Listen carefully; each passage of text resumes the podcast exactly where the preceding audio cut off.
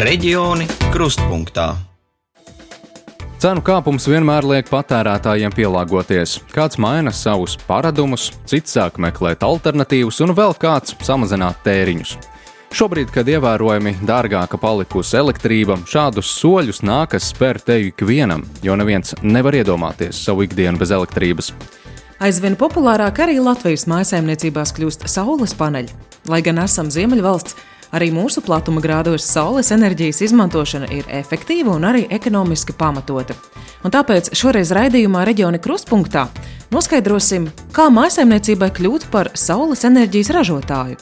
Kas jāzina pirms izlemt par labu saules paneļiem un kāds atbalsts ir pieejams no valsts. Tā māja bija tikko pabeigta un kaut ko gribējās turpināt darīt pie mājas. Tad bija divi varianti. Vai nu likt sētu, vai uzlikt saules paneļus. Ilgvaram Skračam jau gadu uz privātmājas jumta ir uzstādīti saules paneļi. Pats Valmierietis atzīst, ka izvēlējies par labu šādam enerģijas ieguves avotam ar domu ietaupīt. Un, kā redzat, sēta joprojām nav. un no sēdes varbūt ja nebūtu bijis tāds uh, ilgtermiņa iegūms, kā varbūt tikai vienkārši vizuālais tēls un tā, bet nu, saules paneļi rada kaut kādu ietaupījumu. Paneļus es uzliku pagājušā gada aprīlī.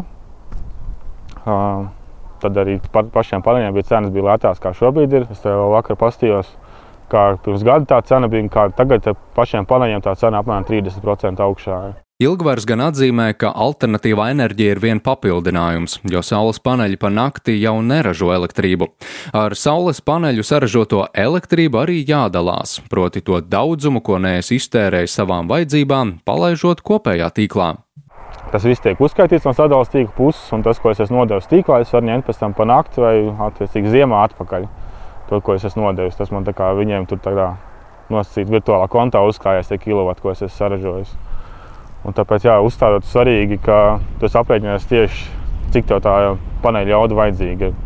Lai tu nebūtu nodevis pārāk daudz elektrību, vai arī, ka tev beigās pietrūkst. Jo tā neto sistēma strādā tā, ka viņa vienreiz gadā nodzēšās visas tavas uzkrājumus 1. aprīlī. Ilgvars arī kliedē mītus par to, ka saules paneļi strādā tikai divus mēnešus vasarā. Viņi ražo visu laiku, un arī tagad, kad saule pat nav, viņš man tāpat kaut ko ražo. Un pat ziemā zem sniega, kad ir kārtīgi saule, viņš arī sniegam cauri kaut ko spēja ražot. Un, un kad ir tāds bijis apmācies ziemā un sniegs biezāks, tad varbūt viņš arī neko nesaražo. Bet arī vasarā lietainās dienās viņš spēja ražot. Viņš nav gan pilnā jaudā, bet nu, kaut kāds procents viņš tāpat ražo. Vēl Valmierietis stāsta, ka pagājušajā vasarā, kad vēl nebija valsts atbalsta elektrības rēķiniem, viņš par elektrību samaksājis 20 eiro mēnesī. Bet vēl gadu iepriekš, kad saules paneļi nebija uzstādīti, rēķins par elektrību bijis 80 eiro. Es varu salīdzināt ar uh, lauku māju vecākiem. Viņiem patēriņš nu, bija lielāks, bet diezgan līdzīgs. Tad viņiem tagad, kad bija tā lielākās cenas, tad bija kaut kāds 150 eiro rēķins. Man bija 15 eiro.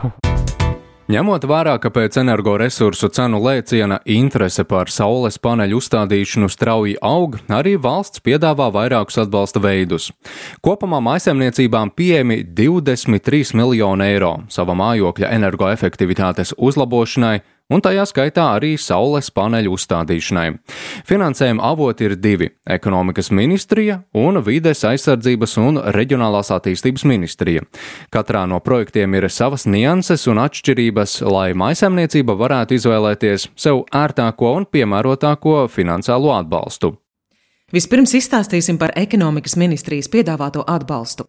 Ekonomikas ministrija tātad ir sagatavojusi jaunu grantu programmu, kur privātmāju īpašniekiem ir pieejams līdz 6000 eiro atbalsts, un to varēs izmantot arī saules paneļu uzstādīšanai. Kā stāsta ekonomikas ministrijas enerģētikas finanšu instrumentu nodaļas vadītājs Gatis Silovs, šāda veida atbalsts ir bijis jau vairāk kārt. Atbalsts saules paneļiem palika tiešām interesants un reāli tāda aktivitāte un interese parādījās pagājušā gada rudenī, ziemā. Nu, kamēr elektrības cenas bija zemes, tikmēr, tikmēr ļoti negribīgi cilvēki šo iespēju izmantoja. Ekonomikas ministrijas programma, viņa, nu, kā mēs viņu saucam, ir atbalsts privātu mājām, energoefektivitātei un saules paneļiem un citām atjaunojumiem energoresursiem. Šāda programma arī pagājušajā gadā ekonomikas ministrijai bija. Viņa bija diezgan pieprasīta, un vienkārši mēs piešķīrām šogad 3,2 miljonus nu, nākošajai kārtai.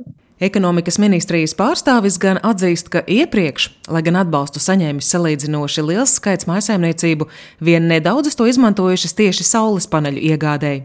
Atbalstu saņēma vairāk kā 240 uh, mājsaimniecības, bet, ja mēs paskatāmies tīri saules paneļu ziņā, arī tur tā saules paneļu iespēja bija, bet tikai 16 no viņām tādā brīdī pagājušā gada sākumā uh, uzskatīja par liederību uzstādīt saules paneļus. Cilvēki interesējās, rēķina Ja, nu, tad katrs izdara savus secinājumus. Secinājumi ļoti dažādi. Un, ja jau par rēķināšanu, tad jāprecizē, ka pieejamā atbalsta summa ir atkarīga no tā, kādas jaudas saules paneļi tiks uzstādīti. Atbalsts tiek rēķināts uz māju, ja, tad, tad um, nu, mājasemniecība. Maksimālais atbalsts ir 4000 eiro, ja tiek uzstādīts vismaz 10 kW jaudīgs saules paneļu komplekts. Praksē mēs redzam, ka vispopulārākie saules paneļu komplekti ir 6 kW un par tādiem grāns ir 2800 eiro. Un, kā jau minējām, atbalsta programmas, kas pieejamas privātmājām, ir divas, tāpēc svarīgi nosaukt arī būtiskākās atšķirības, un turpina Gatis Silaus. Ekonomikas ministrijas programmas īpatnība ir tā, ka tur ir demogrāfiskais faktors un uh, tiek piešķirts atbalsts ģimenēm ar bērniem. Varam programma tādā ziņā nav ierobežota uz bērniem, un te ir atšķirības starp Altuma programmu un Vides investīciju fonda programmu. Altuma programmā jūs vispirms iesniedzat pieteikumus, tiek pārbaudīts, ka jūs atbalstat programmas uzņēmumu, jums tiek rezervēts finansējums, un tad jūs tur pērkat saules paneli, veicat remontdarbus un tam līdzīgas lietas. Vides investīcija fonds ir mazliet savādāk. Tur uh, jūs paši nopērkat saules paneli un tad iesniedzat dokumentus, un jums atmaksā, nu, atmaksā grāmatu. Ja? Um, bet abos gadījumos pirmais solis būtu pārbaudīt, lai nav tā, ka jūs ieguldat naudu un secināt, ka jūs ne, neatbilstat programmas nosacījumiem. Ekonomikas ministrijas programma sāksies jau pavisam drīz, tā teikt, aprīļa beigās. Tad arī fiziski notiks pieteikuma iesniegšana. Ar krietni lielāku atbalsta summu - 20 miljoni eiro - konkursu izsludinājusi arī Vides aizsardzības un reģionālās attīstības ministrija. Vienai mājsaimniecībai maksimālais atbalsts saules paneļu uzstādīšanai šajā projektā ir līdz 4000 eiro.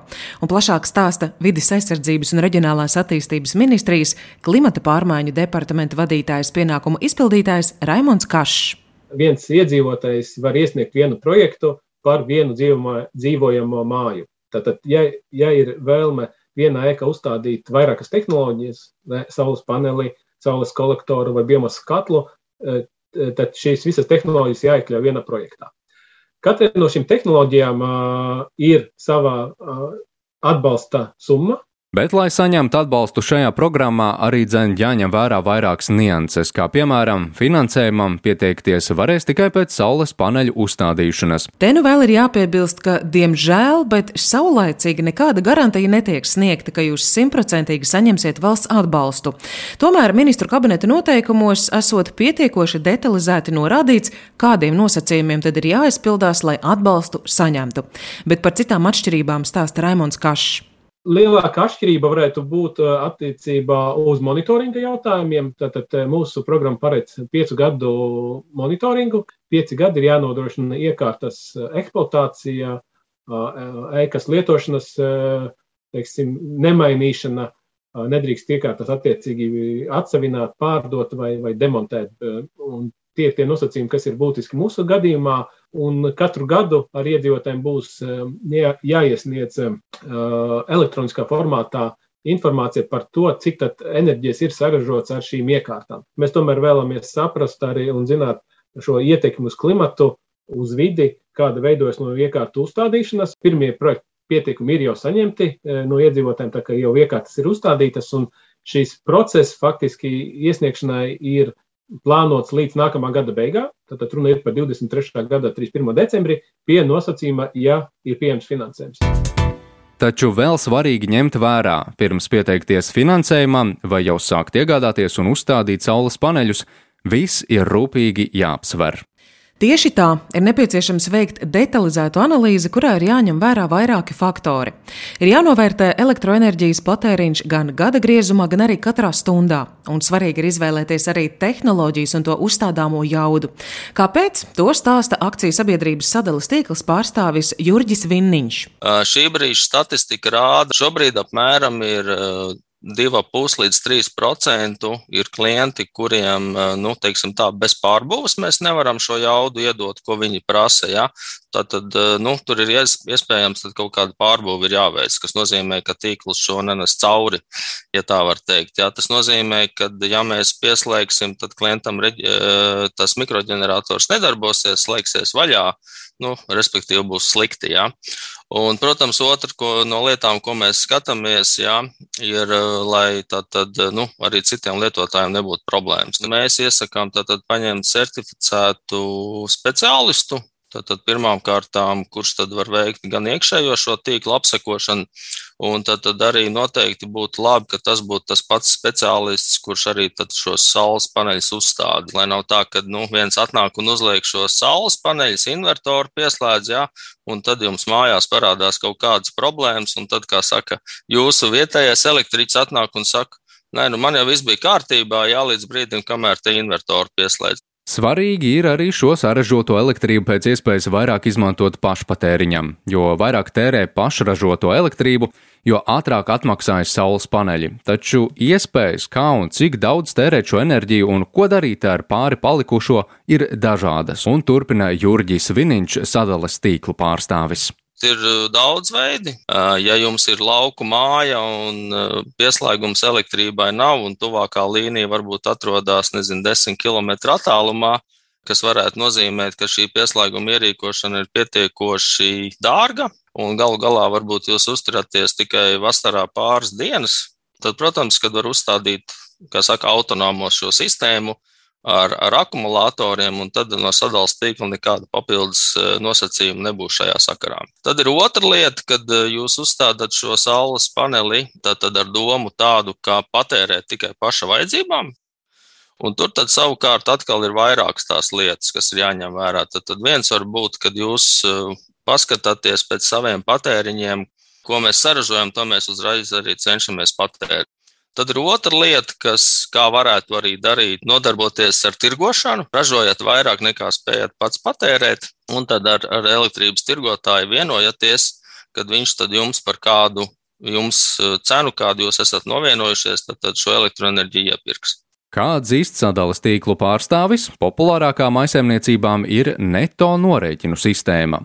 Jūs saražojat vairāk, piemēram, vasaras, vasaras mēnešos, nekā spējat notērēt, un tad attiecīgi par, par jūs maksājat, eh, nu, tad, tad, ja tā var teikt, pavēlt nododat šo enerģiju glabāšanā, un tad, kad jūs ņemat atpakaļ, tad jums ir jāmaksā tikai par sadalījuma pakalpojumu. Tad, tad par elektroenerģiju un OIK mainīgo komponentu jums nav jāmaksā. Tas, kas ir jāņem vērā, ka katru gadu tad, tad aprīlī nonulējās tas viss, jā, mēs nelaižam, kā saka, bezgalīgi to visu.